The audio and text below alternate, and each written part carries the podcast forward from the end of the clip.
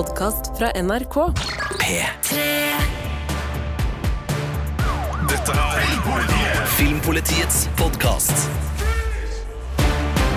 Velkommen til Filmpolitiet med Sigurd Vik og Ingvild Dybfest Dahl. I sommer så tar vi temperaturen på strømmetjenestene og serverer rikelig med tips fra de mange tjenestene som tilbyr sofaunderholdning til norske skjermer. Og tipsene de er ferske. De har hatt premiere i løpet av det siste året. Og du finner selvsagt alle episodene med alle tipsene i appen NRK Radio. I dag så er det ikke én strømmetjeneste det skal handle om, men etter å ha dundra på med serietips fra alle strømmetjenestene, så har nå turen kommet til strømmefilmene, og da skal vi åpne opp for at alle strømmetjenestene kan få være med. Og Ingvild, eh, hvordan har eh, året med film rett på strømming vært for deg? Ja, jeg har dårlig samvittighet der, fordi jeg har jo en tendens til å se filmer, altså 90-tallsfilmer, veldig mye på strømmetjenester. At jeg ser om igjen gamle ting. Eh, Også- Gi meg noen eksempler her, for nå, nå ble jeg litt nysgjerrig. Eh, Dead Poet Society, eller eh, Grip dagen, som den het på norsk. Eh, Ja, sånne ting jeg husker jeg så på på VHS, eller som kom på 90-tallet. Det liker jeg å se på, spesielt søndagskvelder, når du egentlig skal bare ha en liten underholdning før du skal legge deg. Men eh, så kommer det jo hele tida masse, masse nytt òg, og jeg har sett noe av det. Jeg fikk med meg eh, hva holdt jeg på å si Terminator, men um, Prey? Ja, Prey. Den er jo forløperen til ikke Terminator. Predator. Men, takk. Herregud, at det går an å glemme det. Ja. Eh, Den fikk jeg med meg på Disney Pluss i august. Eh, Jeg har fått med meg to Royal Teen-filmer. Jeg liker, Av en eller annen grunn så skjønner jeg at jeg har en tendens til å snuble inn i litt sånn ungdomsfilmer som jeg egentlig ikke er i målgruppa på. Jeg så Do Revenge med Maya Hawk og Camilla Mendes på Netflix i september. Jeg så litt av Blond på Netflix også i september. Du så ikke den ferdig? Nei, den uh, gjorde vondt i sjelen å se på, så den uh, orka jeg ikke. Eh, Planen var jo å se noe ferdig. Og så ble jeg skuffa The School of Good and Evil, også den på Netflix, ja, i Ja. oktober. Det var terningkast to uh, her fra oss i Filmpolitiet, og der finnes, det finnes faktisk en egen episode om hvor fantasy-skuffa vi ble av The School for Good and Evil, så hvis Ja. du går i appen NRK Radio, så kan du høre meg og Marte rante skikkelig på den eh, filmen. Ja, fordi jeg hadde så potensial, føler jeg. Gode skuespillere og liksom Det er jo gøy opplegg, og så bare Nei. Ja.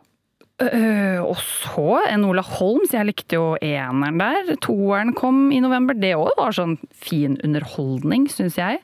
Og så hadde vi jo et norskinnslag i desember, med Troll. Den eh, likte jo Birger Vestmo, vår kjære kollega, kjempegodt, ga terningkast fem, så det var jo en eh, skikkelig tur i den norske fjellheimen med eventyr eh, eh, Asbjørnsen og Moe-følelsen eh, godt klistra på Netflix-skjermen. Og litt gøy, syns jeg, når Asbjørnsen og Moe inntok liksom Oslo sentrum. Eh, der du går og tråkker til daglig, sto det plutselig et gedigent troll, så det syns jeg var gøy. Det var Ja. Nei, eh, jeg går videre. Jeg hadde bare andre ting å si. Ja, nei, men vi- skal snakke mye om det her, men altså, det, det som slo meg da, når vi skulle begynne å snakke om, om strømmefilmene, eh, var jo at bortsett fra kanskje de norske, altså NRK, TV2 og Discovery Pluss, så vidt jeg vet, eh, har ikke egne strømmefilmer på, men resten har jo det. Altså, det har jo kommet strømmefilmer på Apple TV Pluss, det har kommet eh, strømmefilmer rett på Prime Video, på Netflix, på Disney Pluss, på Viaplay. De hadde jo blant annet Gulltransporten rett før jul, en krigsfilm som eh, også da selvfølgelig er norsk, fra regissør Halvard eh, Brein, som har laga Burning-filmene, og Birger ga terningkast fire og sa fengende og handlingsmetta krigsthriller. Og det er liksom på, på alle strømmetjenestene, så, så det har jo blitt nå mer og mer vanlig, og, og mer og mer på en måte konkurranse også blant strømmetjenestene om å ikke bare liksom lokke oss inn med serier, men også lokke oss inn med, med originalfilmer. Og det gjør jo at øh, noen av filmene kanskje har en opplevelse av å være det som en gang het øh, rett på video. Altså filmer som er bygd for sofaen, og som ikke kanskje er bygd for kino, men som funker som underholdning, og som kanskje av og til da for oss filmkritikere blir litt sånn der Ja, den er god nok. Uh, altså, den gjør det den skal, den fenger et publikum. Og Netflix spesielt har vel en ganske bred katalog katalog av sjangerfilm som er uh, mer eller mindre laga for å tilfredsstille et publikum som allerede vet hva de vil ha, uh, og gi dem et påfyll. Og, det har jo blitt en del terningkast to og tre fra oss i Filmpolitiet Ja. på en del av de filmene her. Jeg husker Ghosted, eh, som skulle være en actionkomedie på, på Apple TV Pluss, som fikk terningkast to. Jeg ga vel terningkast tre til Jennifer Lopez-filmen Shotgun Wedding, som kom på Prime Video. Du har jo hatt noen treere der, har ikke du det, Ingvild? Jeg ga vel to til både Burder Mystery 2 på Netflix med Adam Sandler og Jennifer Aniston, og The Mother på Netflix i mai med Jennifer Lopez igjen. Ja, for, for det fylles jo på, det gjør jo det. Det kommer jo nye filmer hver måned. Men sjøl om uh, de filmene kan være filmer som vi kritikere kan bli litt sånn ah, ah, Enda en sånn, det, det var nå ikke nødvendig. Så er det jo også filmer som er av veldig høy kunstnerisk kvalitet. Hvis du ser på liksom Oscar-utdelinga, så vant jo Guillermo del Toros Pinocchio Oscar for beste animasjonsfilm. All Quiet on the Western Front var nominert uh, opp etter veggene. Ana de Armas var jo nominert for rollen i nevnte Blond, som, som du ikke uh, så ferdig. Ja. Den om uh, Marilyn Monroe. Marilyn Monroe, den gamle Eller den, den store stjernen. Så, så det er jo et spenn i, i strømmefilmene også. Det er jo ikke sånn at strømmefilm betyr uh, middels kvalitet. Nei. Det er veldig mye forskjellig der. Jeg synes jo, Nå er det jo flere tiår siden vi hadde altså Av og til når du sitter og leter på IMDb, som er eh, filmdatabasen som vi bruker mest, tenker jeg, så står det jo sånn TV-movie. Og det er jo da type 80-tallet, 90-tallet, mens det fremdeles var lineær-TV, og ting ble laget for å gå rett på TV, som du sa, eller rett på, på VHS, som det jo ofte var da. Eh, og det er jo noe helt annet. Og så hadde de hele tiden en sånn massiv produksjon av det vi kalte Hallmark-filmer, som også var litt mer sånn Det skulle, det skulle jo vært treere. Det skulle jo bare pøses ut og treffe tårekanalene og treffe et marked. Men- Onsdagsfilmen på TV Norge. det har vært mye sånne ting. Men de siste hva skal vi si da, 15 årene så har det jo skjedd eh, enormt mye der, da.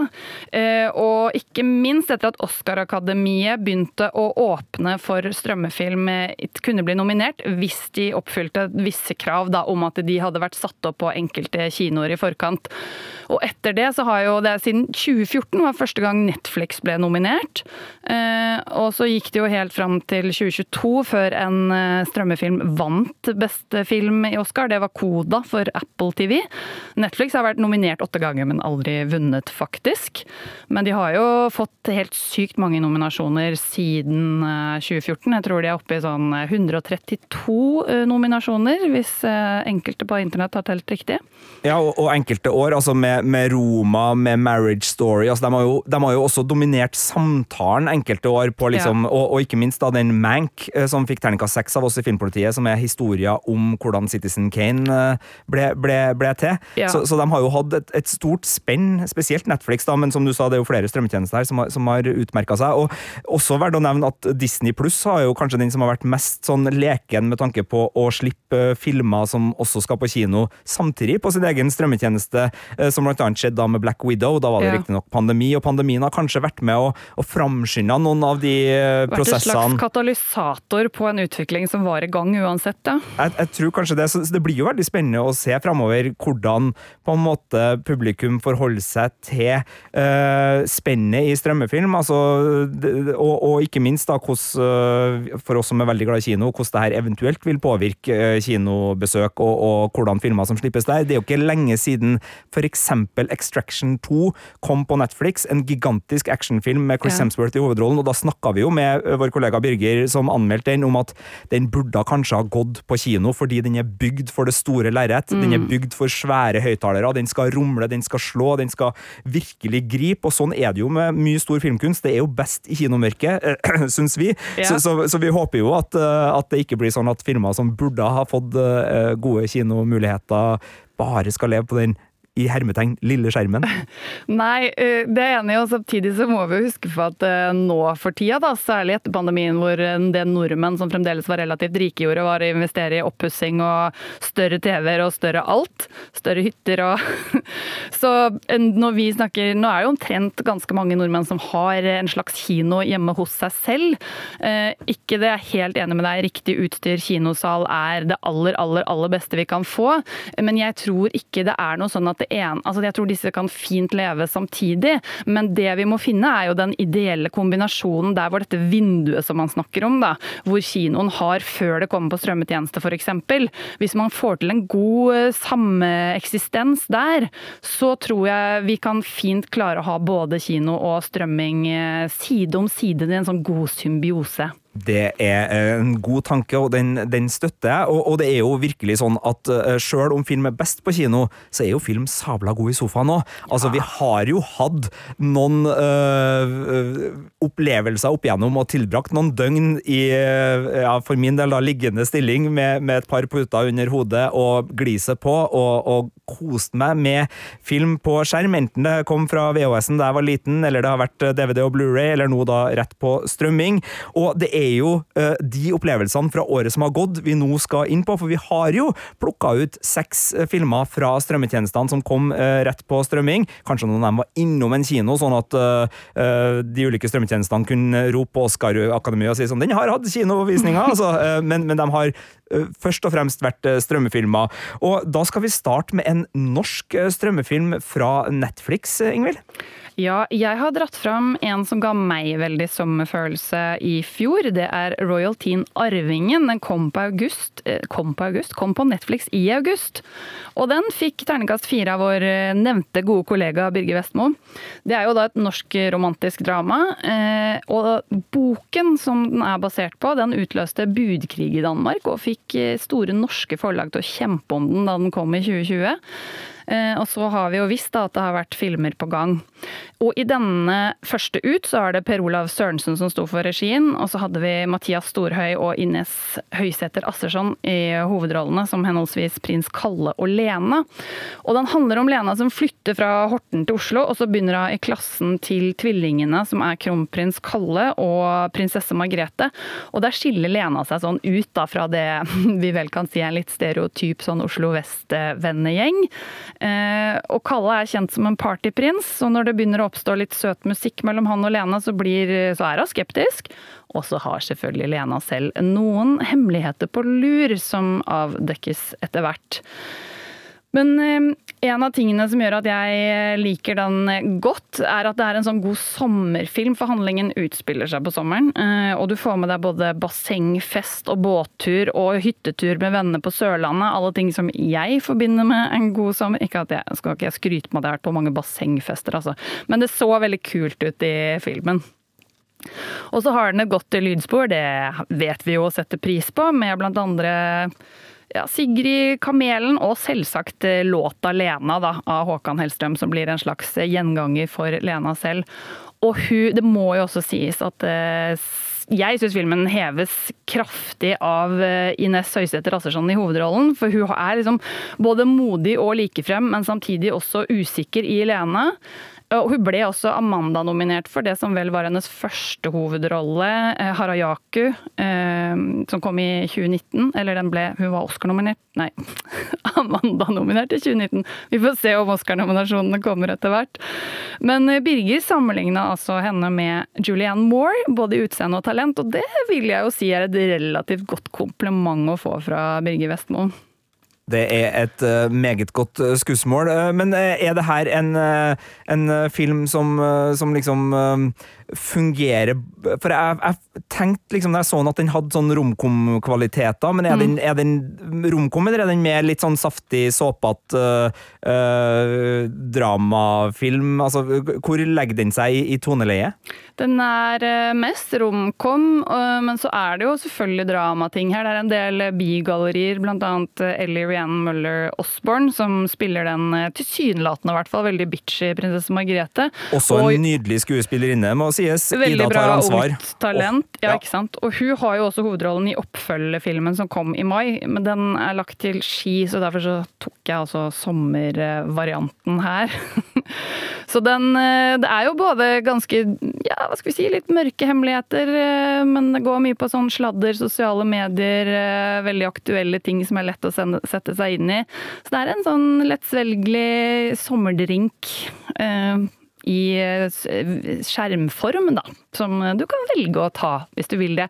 Og så er det jo også et faktum at forfatterne av bokserien, Randi Fuglaug og Anne Gunn Halvorsen, de har rukket å skrive hele åtte bøker i denne serien Halve kongeriket jeg lurer på om det er niende på gang, eller om det er den åttende. Dette, dette, vet dere bedre enn meg. Men eh, det er i hvert fall mest sannsynlig flere Royal Teen-filmer på gang, om du skulle like dette. Ja, og to ligger altså ute på Netflix allerede, og det var den første med den gode sommerfølelsen som du eh, anbefalte og trakk fram her eh, som et godt filmtips hvis du skal se noe fra sofaen. Ehm, jeg skal skru opp temperaturen noen hakk, fordi vi skal til en vulkandokumentar. På neste tips ut. Eh, et Oscar-nominert stykke dokumentarkunst, 'Fire of Love', kom på Disney pluss i høst, ble Oscar-nominert og er en film som handler om de to uh, vulkanologene Katja og Maurice Kraft, som var et ektepar, de møttes å, romantisk. De møttes som studenter i Strasbourg på slutten av 60-tallet og gifta seg i 1970. Og de reiste rundt og utforska vulkaner og ble noen av de mest kjente vulkanologene fordi de hadde med seg kamera og de gjorde uh, formidlinga til en viktig del av sitt virke. De laga dokumentarer sjøl, og hele filmen her er bygd opp av deres arkivklipp. Det er Sara Dåsa som har regien her. og Se for deg litt det altså det, det, er vanskelig for meg å se den filmen her uten å tenke på Wes Anderson og hans ja. The Life Aquatic with Steve Sissu. For der gjorde jo han en uh, spillefilmhomasj slash parodi av Jacques Cousteau, som var i likhet med uh, kraftekteparet, en uh, undervannsutforsker uh, som laga TV-serien The Undersea World of Jacques Cousteau, hvor han tok Jacques. med Takk. meg og fransk vet faste lyttere av Filmpolitiet. Det, det går ikke alltid så bra. Men, men han laga da en, en sånn populærkulturvitenskapelig TV-serie der han tok med folk inn i, i, i, sin verden, og det var jo den som da ga mye inspirasjon da, til, til måten Wes Anderson ja. har laga den her på på. Og litt den samme type Estetikk. Og de røde luene, vel? De røde luene, og, og, det er med lua i, i, Fire of Love også, fordi, fordi de har jo bygd da, sine dokumentarer med en veldig sånn formidlingsglede, hvor du skulle liksom bli kjent med personene, og så skulle de ta deg med inn i vitenskapen og vise deg eh, forskjellen på røde og grå vulkaner, hva som er farlig, hva som ikke er farlig. Og det er så mye fine bilder her, altså av lava som, som renner, av eh, øde askelandskap, og, og disse to uh, veldig dedikerte og romantisk fine hovedpersonene som, som fær verden rundt for å bare utforske og utforske og utforske og formidle. Uh, og, og, deres ulike personligheter kommer veldig fint fram, og det er jo noe med liksom den der franske bravuren, eh, spesielt som Maurice har i intervjusettinga, for det er veldig tydelig at han elsker å være midtpunkt og, og, og få showe litt med sin vitenskap, mens Katja er veldig sånn ja, nei, altså Det er bare et sånt nydelig, nydelig ektepar å, å, følge. De har altså så mye fint å by på der. Og så er det jo selvfølgelig eh, ting som man lærer underveis her. Det er masse eh, veldig viktige vulkanutbrudd som, eh, som det snakkes om, og, og, det gjør jo at den også på en måte fungerer som en, eh, en, en liten sånn leksikondokumentar eh, også. Jeg må jo si, jeg sitter og ser på plakaten som ligger, og der ser det ut som en kjempespennende sci-fi-film. Fordi du ser de noen slags metalliske romdrakter eh, foran da rødeksplosiv lava som ser ut som det kan være på en annen planet. Eh, er det som spenning eh, og action i den her òg? Ja, altså eksperimentene som utføres, er jo livsfarlige. Og de er jo ikke nødvendigvis veldig eh, godt planlagt, så det er en del eh, sånne stolkantspennende eh, innslag hvor du sitter spesielt da igjen, eh, Maurice, den eh, litt sånn eh, Ja ja, det går sikkert bra, mens hans litt mer kanskje Jeg vet ikke om kona er mer intelligent, men det framstår i hvert fall litt mer forsiktig og litt mer fornuftig i en del situasjoner. Som sier sånn Nei, jeg vet ikke om du skal dra en gummibåt ut på den sjøen som sannsynligvis har ganske mye kjemikalier som kan uh, oppløse den nevnte gummibåten du setter deg opp i, og dermed så vil du uh, potensielt kunne, kunne falle om i fall uti noe som kommer til å ta livet av deg. Så, så, det er en del sånne spenninger, og jeg skal uh, ikke avsløre hva som skjer. Selv om det er en dokumentar, så er det gleder ved å ikke vite her, og spenning ikke minst. Og, og det er jo selvfølgelig triste ting som, som skjer også, og tragiske hendelser, så, så vær du forberedt på at det her ikke nødvendigvis er uh, Fire of Love, er, er kjærlighetsfilmen med den aller uh, mest happy endingen, for så, sånn er dessverre livet. Men, og som dere merker, jeg kan ikke faget her. Når jeg sier kjemikalier, så er det fordi det er det nærmeste jeg kommer å vite eh, hva det faktisk er. Så, så presisjonsnivået i denne lille omtalen av den Oscar-nominerte Fire of Love var begredelig, det beklager jeg, men uh, filmkjærligheten til nevnte Fire of Love, som da ligger på Disney Pluss, den er stor. Det er en estetisk, interessant, lekker og romantisk uh, komedie, nei, dokumentar om uh, vulkaner. Ja, det høres jo gøy ut, altså. Det er det. En annen ting som høres gøy ut, og som kunne sikkert vært en dokumentar, men har blitt en dramatisering av noe jeg holdt på ganske mye med da jeg var liten, det er filmen Tetris på Apple TV Pluss, som du har sett, og du vil trekke fram, Ingvild? Ja, den fikk jeg med meg i mars, og det er jo noe så sjeldent som en film om et spill som fremstår som en politisk thriller fra den kalde krigen. Hadde du Gameboy og Tetris eh, da du var liten? Nei, jeg hadde ikke det. Jeg måtte nøye meg med å se andre spille på det. Men jeg spilte Tetris på Mac, mener jeg å huske, da jeg var liten. Ja, Jeg hadde heller ikke Gameboy, så det var å være god venn med de som hadde Gameboy, og få prøvd Tetris eh, så mye som mulig der. Men som du sier, altså kald krig eh, og, og, og, relasjonen mellom USA og Sovjet. Altså, hva er liksom bakhistoria bak det her populære spillet? Den er veldig komplisert. Jeg tror ikke jeg skal Nei, ok da. Hva er stikkordene for eh, Ja, fordi Det er jo ikke helt opplagt da, at liksom spillet som går ut på å få sånn firkantformer på rekke, egner seg for en filmatisering. Eh, men manusforfatter Noah Pink og regissør John S. Baird har gjort sitt for å vri Tetris Oho, hørte du hva jeg gjorde der? Jeg til en der. underholdende filmformasjon. Og dette her strekker seg ganske langt, da, fordi den tar med seg spillets skapelse, som skjer i Sovjet Sovjet eh, bak jernteppet på et eller annet tidspunkt. Og så er det noen som kjøper noen rettigheter. Ehm, og så følger vi da hovedsakelig nederlandske Henk Rogers, spilt av Taron Edgerton. Og han eh, vokste opp i USA, men han bor i Tokyo med familie, og oppdager da eh, dette Tetris-spillet mens han er på en spillmesse i Las Vegas. Han kjøper det han tror er rettighetene, men så følger det masse, masse forviklinger med hvem har egentlig, og på hvilke plattformer har man rettigheter. Og inni det her så drar de også inn eh, den ganske beryktede britiske mediemogulen og Mirror Group-eier Robert Maxwell og hans sønn Kevin Altså dette er jo da fiktive varianter av dem, må vi jo understreke. Men når deler av dette her spillet foregår bak et jernteppe som vi jo vet eh, på 80-tallet her eh, er i ferd med å rives i filler, så øker det innsatsen som du liksom kjenner og føler på gjennom filmen der, da. Eh, det er eh, ganske sånn kantede og karikerte rollefigurer. Det er eh, slemme russiske eller sovjetiske skurker her, og du vet, gode amerikanere som bare prøver å spre gleden til folket. Jepp, sånn som Hollywood har fortalt oss at det var alltid. Ja. Eh, men det er liksom gøye ting. Det er jo masse sånn overganger og handlingssammendrag som blir presentert med sånn eh, åttebits-grafikk i god Tetris-ånd. Og musikken er jo også inspirert av eh, spill og 80-tallet. Og, så blir det selvfølgelig name-droppa masse masse spill som jeg skulle ønske jeg hadde vært en gamer og hadde tatt flere av de referansene, men jeg tok ganske mange uten å ha vært en aktiv gamer selv. da. Så den appellerer altså til eh, nostalgisugne seere som fikk med seg Gameboys fødsel, eller bare noen som har spilt mange av disse spillene. Og ja, jeg syns bare jeg synes Selv om ikke alt her liksom ser ut til å passe sammen, så faller det ganske smidig på plass eh, til slutt. Ah, det er fint. Tetris ligger altså på strømmetjenesten Apple TV Pluss for dem som ønsker det.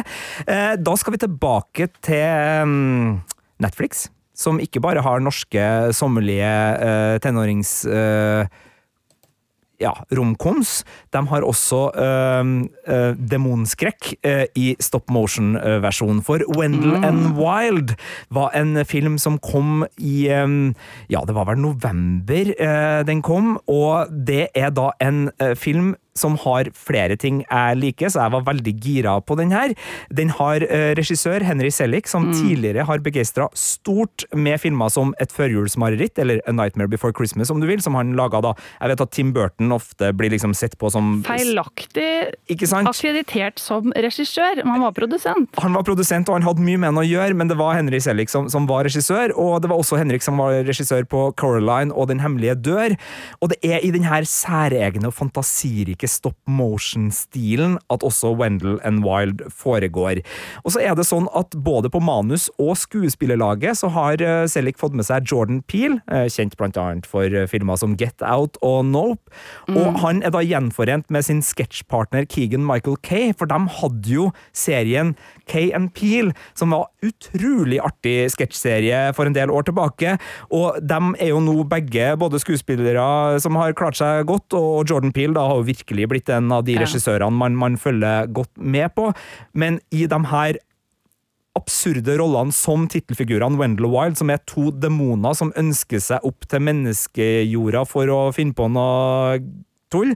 Ja. Skal ikke si så mye mer, eh, bare at det involverer en tube og noe krem og en større demon under jorda og noe greier, så, så er det ganske mye absurd, herlig humor som, som skjer.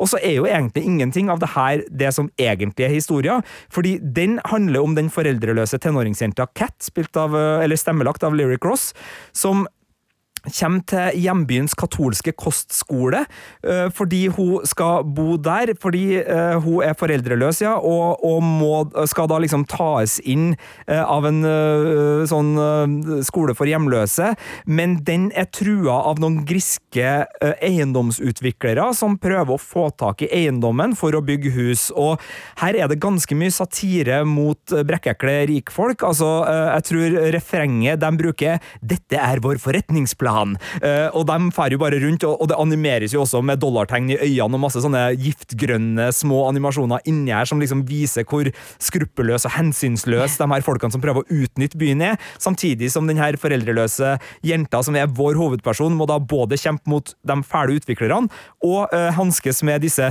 demonene som dukker opp i drømmene hennes, og som prøver å komme seg til den virkelige verden eh, med denne planen. Så det er ganske mye eh, rart og forskjellig i Wendell and Wild. Ja, jeg lurer på, er det en musikal, eller? Den har veldig mye god musikk. Eh, altså, øh, Vår hovedperson, øh, Cat, kommer jo med en boomblaster på skuldra, og, og hennes foreldre, som da er borte, de elsker øh, rock og punk, og blant annet eh, Detroit-legende-punkbandet Death, som var ganske vanskelig å få hørt en del år, men de ble liksom plukka opp fra glemselen og er nå regna som en av pionerene. De er på, på soundtracket her, sammen med mye annen god rock, så det er musikalelementer inn her også, men, men det er ikke en ren, storslått musikal slik som da et førjulsmareritt virkelig er det. What's this? What's this? Og så videre og så videre. Men den er full av artige detaljer. Eh, Låta River av Ibeyi er også brukt på helt nydelig vis. Det er jo en, ikke en punklåt, men en minimalistisk popperle. Altså, det, det, er, det er veldig mye bra her. Eh, Samtidig, den er litt for mye for sitt eget beste. Så jeg ga terningkast fem fordi jeg elska alt her, Ja. men hvis jeg liksom blir satt i et rom, og så blir jeg presentert sånn Hvis jeg ser eh, Pixar sin Coco og et førjulsmareritt som også handler om liksom tap og sorg og de døde og hvordan Ja. man forholder seg til det, så er de mer formfullendte filmer. altså De er mer liksom sånn elegant uh, utført, og, og liksom man ser at alle trådene har en plass i, i teppe, lappeteppet, og, og det henger sammen, og det, liksom, det, det bygger på hverandre. Her er det mer masse gode ideer som er kasta inn, er, og noen av dem hørte kanskje ikke helt inn, og passa kanskje ikke helt, og, og blir litt hengende uforløst, men samme det. Det er artig lell. Ja. Og jeg kan like den stilen når det gjøres med en sånn, et kreativt overskudd, og den energien som Wendell Wild har, men jeg, jeg ser jo på IMDb at ikke alle er enig med meg. Uh, så, Men, så eh, det Ja. Jeg er i hvert fall veldig glad du dro fram denne, fordi den har gått meg helt hus forbi, og jeg elsker jo Henry Selleck, så nå har jeg noe jeg gleder meg til å se. Ja, og det er klart, uh, den kom jo litt sånn rett etter halloween, var det vel, og, og det er klart, den har veldig mange sånn uh, høstkvaliteter, så det er kanskje litt uh, tidlig å, å trekke den fram, men altså, demonskrekkomedier kan man jo se året rundt, og, og, det er jo også snart høst, så, så ja, noter dere Wendland Wild eh, for en mulig uh, godbit, og den ligger altså da ute på Netflix. Og vi skal holde oss på Netflix, og vi skal inn i den mer prestisjefylte delen av strømmefilmene, for denne filmen Uh, kunne selvfølgelig ha gått på kino. Den fikk en bråta med Oscar-nominasjoner, og er jo en av de, de overraskende store suksessene fra strømmetjenesten det siste året på filmfronten, er ikke det? Jo, og det var jo noen demoner her òg, kan vi se, i Intet nytt fra vestfronten, men uh, av det mer uh, overførte slaget. Uh, det er jo en tittel folk gjerne har hørt før, fordi det er jo selvfølgelig også denne filmatiseringen basert på den kjente romanen av Eric Maria Marquez fra første verdenskrig. Og den følger altså en gjeng sånn idealistiske tyske gutter som eh, verver seg rett ut fra skolen og har, tror dette skal bli kjempekult. Eh, de gleder seg altså til en spennende krig. Men så blir de ganske raskt eh, desillusjonerte, da. Og som du var inne på, denne lot bet fra seg i Oscar-racet. Den hadde ni nominasjoner og vant fire for beste internasjonale spillefilm, beste filmmusikk, beste foto og beste produksjonsdesign. Det var jo også den eneste strømmefilmen som var nominert til Oscar for beste film. Mm. Noe som også sier litt om, om hvor høyt den her nådde. Men, men, hva er det med For det er jo som du sier, altså, det her er jo en historie som, som man, man, kjenner til fra før. Uh, og, og hva er det som gjør at den funker såpass godt i, i ny Netflix-drakt i, i 2022-2023? Fordi jeg satt jo der når den dukka opp på Netflix-skjermen, som du jo vet ting gjør. Så satt jeg der sånn Nei, skal jeg gidde, liksom? Den historien kjenner jeg jo til, og åh, nok en krigsfilm. Men det er altså den uh, blew me away, for, uh, for, å si det på den måten. Bokstavelig talt, med masse bomber og granater. Uh, men det er det er, liksom, det er, jo en veldig god hovedrolleinnehaver her, Felix Kammerer, som spiller Paul. Eh, og som jeg har sagt til dere i Filmpolitiet før, når jeg har eh, anbefalt denne filmen, så mistenker jo jeg at han ble valgt fordi han har grønne øyne som matcher uniformen perfekt. Og jeg mener ikke på en tullete måte, for det er noe sånn skikkelig hypnotisk med de der grønne øynene til Paul inni all gjørma og blod eh, som det blir etter hvert i denne filmen. Og så minner det meg litt om Saving Private Ryan på den måten den blander liksom noe som du tenker er litt sånn ultrarealistisk med drama. Fordi der husker jeg de der skuddene gjennom vannet og sånn. Det var så mye lydeffekter og sånn som gikk så dypt inn på meg i den filmen. Samtidig som det jo selvfølgelig er en melodramatisk historie om å finne en siste gjenlevende bror. Eh, og, og det gjør også Intet nytt fra vestfronten. Da. Den starter jo med dette åho, dette skal bli så gøy, og så er det sånn skikkelig kalders når de opplever krigens realiteter. Ja, og i ei tid vi lever i hvor krig i Europa faktisk er noe som eh, er aktuelt igjen, så er jo det å, å eh, se krigens brutalitet og, og minne seg på hvor fælt det er, også selvfølgelig noe som er i, i, i tiden, dessverre. Og regissøren her, Edvard Berger, han kan du kanskje huske navnet fra, for han har regissert store deler av serien Tyskland 83, som gikk på NRK. Og også på eh, også HBO Max-serien Patrick Melrose, og det, deler av Your Honor med Bryan Cranston. Det er jo tre gode serier. Ja, ikke sant? Tre veldig gode serier. Og her så syns jeg han viser veldig effektivt fram det helt meningsløse ved krigen, og han klipper hopper liksom mellom slagmarken og møter med sånne høye offiserer som sitter varme og mette og bestemmer ut fra bare stolthet og prinsipper hvordan det skal gå med de ekte menneskene nede i skyttergraven. Å, nå fikk jeg litt uh, gåsehud jeg tenkte på det. Det er veldig rørende. Og så er det ikke rart at musikken vant Oscar. Det er Folker Bertelmann som har laget den. Og det var sånn at jeg la merke til den når jeg så den, fordi store deler av filmen har jo ikke noe annen musikk enn sånn lyd av kuler og granater og ubehagelig krigslyd. Men innimellom så hører du sånn trommer og noe teknodrønn som er veldig ubehagelig og gjør veldig stort inntrykk. Så det er veldig sånn effekt, effektfullt, det heter ikke effektivt, bruk av musikk, og veldig sparsommelig musikk. Eh, så den kan anbefales på flere grunner. Og hvis du vil ha et litt sånn kjølig og brutalt avbrekk. Er du litt lei av sommervarmen kanskje og ferie, så kan du liksom grave deg ned i en skyttergrav i Intet nytt fra vestfronten på Netflix. Det er en mulighet på Netflix. En annen mulighet på Netflix, som er det siste tipset vi skal gi, er en eh, film som også eh, havna i eh, Oscar-nominasjonsrunden, og, og var så vidt innom der. Men den var vel kanskje mest kjent fordi den har en forløper som ble veldig populær, nemlig filmen Knives Out. Noe som gjorde at det å se eh, selveste James Bond, altså Daniel Craig, gjenta sin rolle som mesterdetektiven Benoit Blanc i Glass Onion A Knives Out Story, det ble en attraksjon for mange, og det her er jo litt sånn ja, de, de, to siste tipsene her er jo uh, filmer som, som, mange har fått med seg, så vi, vi, sitter jo ikke her og tror at vi, vi drar fram Nei, vi, vi, drar ikke fram fra dypet her og virkelig skal, skal vise det fram. Vi tenker vi må nevne den også. Den fikk terningkast fem av vår kollega Birger Vestmo, som sa det var et særdeles lystig og lekent mysterium. Så tror jeg vi begge, Ingvild, har kommet fram til at vi syns Knives Out 1 var en bedre film enn Glass Onion A Knives Out Mystery, stemmer ikke det? Jo, vi har jo snakka om dette, og vi er enige om at den syns vi var kvassere i kniven, hakket over, men Glass Onion koste vi oss såpass mye med at vi slenger den med som et tips til dere.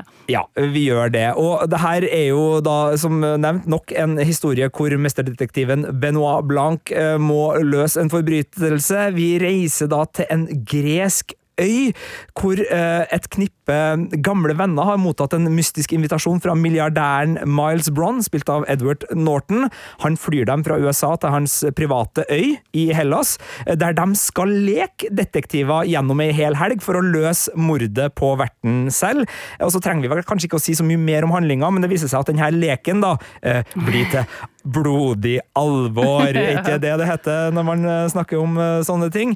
Den har jo de der Agatha Christie-elementene i seg. Igjen, da, ikke like bra som i Knives Out, og vi skal slutte å slå vårt eget tips i hodet med forløperen, men, men den, selv om den liksom ikke er på det nivået, og ikke har den samme friskheten da, som det første møtet med, med Benoit Blanc har, så, så, er det altså så mye kvalitet her, både i eh, Daniel Craig sin, sin hovedrolle, men også birollegalleriet med Kate Hudson, med Dave Batista, med Jessica Henvik. Altså, det er jo og, og også Janelle Monet som, mm. som, eh, er med her, og, og Katrin Hahn, ikke minst. Altså, det, det er det er høy kvalitet på det meste, både av utseende, skuespill og, og stil her, syns i hvert fall jeg.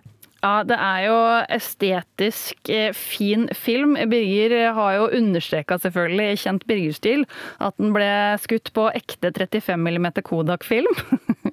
Så kondisører kan eh, kose seg med det. Men den er jo ja, den er en estetisk perle, og så er det jo bare Det er jo vilt det som skjer, selvfølgelig. Du må sluke en del kameler i handlinga her, men det er jo det som er poenget. Og så gir den litt den derre Eh, White Lotus-vibben med at vi er i det overdådige luksusmiljøet hvor du egentlig Det er liksom veldig vanskelig å ha empati med så veldig mange av disse figurene, da. Ja. I hvert fall fram til vi får vite litt mer av hva som ligger bak, og får bladd av noe av løkens lag eh, gjennom filmen. Ja, og, og, det er jo da, som du, du, nevnte jo White Lotus der, det er jo også her mulig, hvis man vil, uh, se etter liksom litt sånn satiriske lag i historien og uh, noen, noen skråblikk da på, på, ting som kan være inspirert fra virkeligheten, eller muligens ikke. Det, det er litt sånn Vi skal ikke dømme. Det er opp til, til seeren å, å, oppleve filmen og, og ta den inn over seg sånn som det er ønska. Så siste tips ut, altså fra Ryan Johnson, som også nå snart skal være aktuell med en TV-serie som allerede er ute i USA, men som er på vei til Norge nå, som jeg gleder meg masse til. Pokerface heter den. Ah. Også krimmysteriet, da med Natasha Lyon ja, ja. I, I, hovedrollen. Så humørfylt krim fra Rian Johnson, det eh, har i hvert fall så langt vist seg å være en ganske god oppskrift eh, for oss. Så det var det siste eh, tipset i denne episoden. Da har vi altså tipsa om Royal Teen, som eh, ligger på Netflix, Fire of Love, som ligger på Disney pluss, Tetris, som ligger på Apple TV pluss, Wendell Wild, som ligger på Netflix, All Quiet on the Western Front, eller på norsk Intet nytt fra vestfronten. Ligger på Netflix, og Knives Out 2, eh, også kalt Glass Onion A Knives Out Mystery, som også da ligger på Netflix.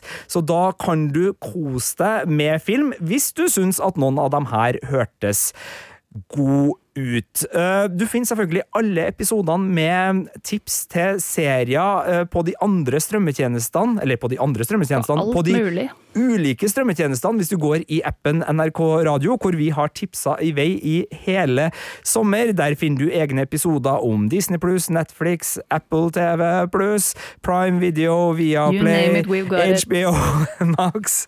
Eh, Vi har vært innom de norske med Discovery Pluss, TV2 Play, NRK. Jeg har sikkert glemt noen nå, men de ligger der i hvert fall, så det er bare å slå seg løs eh, der. Eh, Det var det vi hadde. Vi har vært Sigurd Vik og Ingvild Dybfestdal. Dere har vært helt nydelige som har hørt på denne podkasten. Ha det bra. Heia fotball. Snakkes. Mm, velkommen eh, til noen nye greier et Lidbom! Helsike, har du dekka på til pasta, eller hva skjer? Det er mandagsfølelsen. Ja, ja, ja, det er mandagsfølelsen, ja. Det er vakkert. Det er viktig å samles på mandager Ja. og snakke ut om ting. Samtidig er jo dette òg eh, noe jeg har lært av vår gode venn Sofie Elise. Eh, jeg har lært av Funky Gine. Um, dette er rett og slett bare en kynisk lansering av et biprodukt for å melke deltakelsen til Tete Lidbom i Kompani Lauritzen. For nå er du i vinden, Lidbom, og da er det viktig, har jeg lært, eh, å, å launche noe nytt. Ja, ja, ja, det, det der, ja. Det er på det nivået. Yes, Så dette er mitt, min måte å tappe inn på din Kompani Lauritzen-deltakelse. Eh, velkommen til Heia fotball! Snakkes! Snakkes, ja. Hør Heia fotball i appen NRK Radio.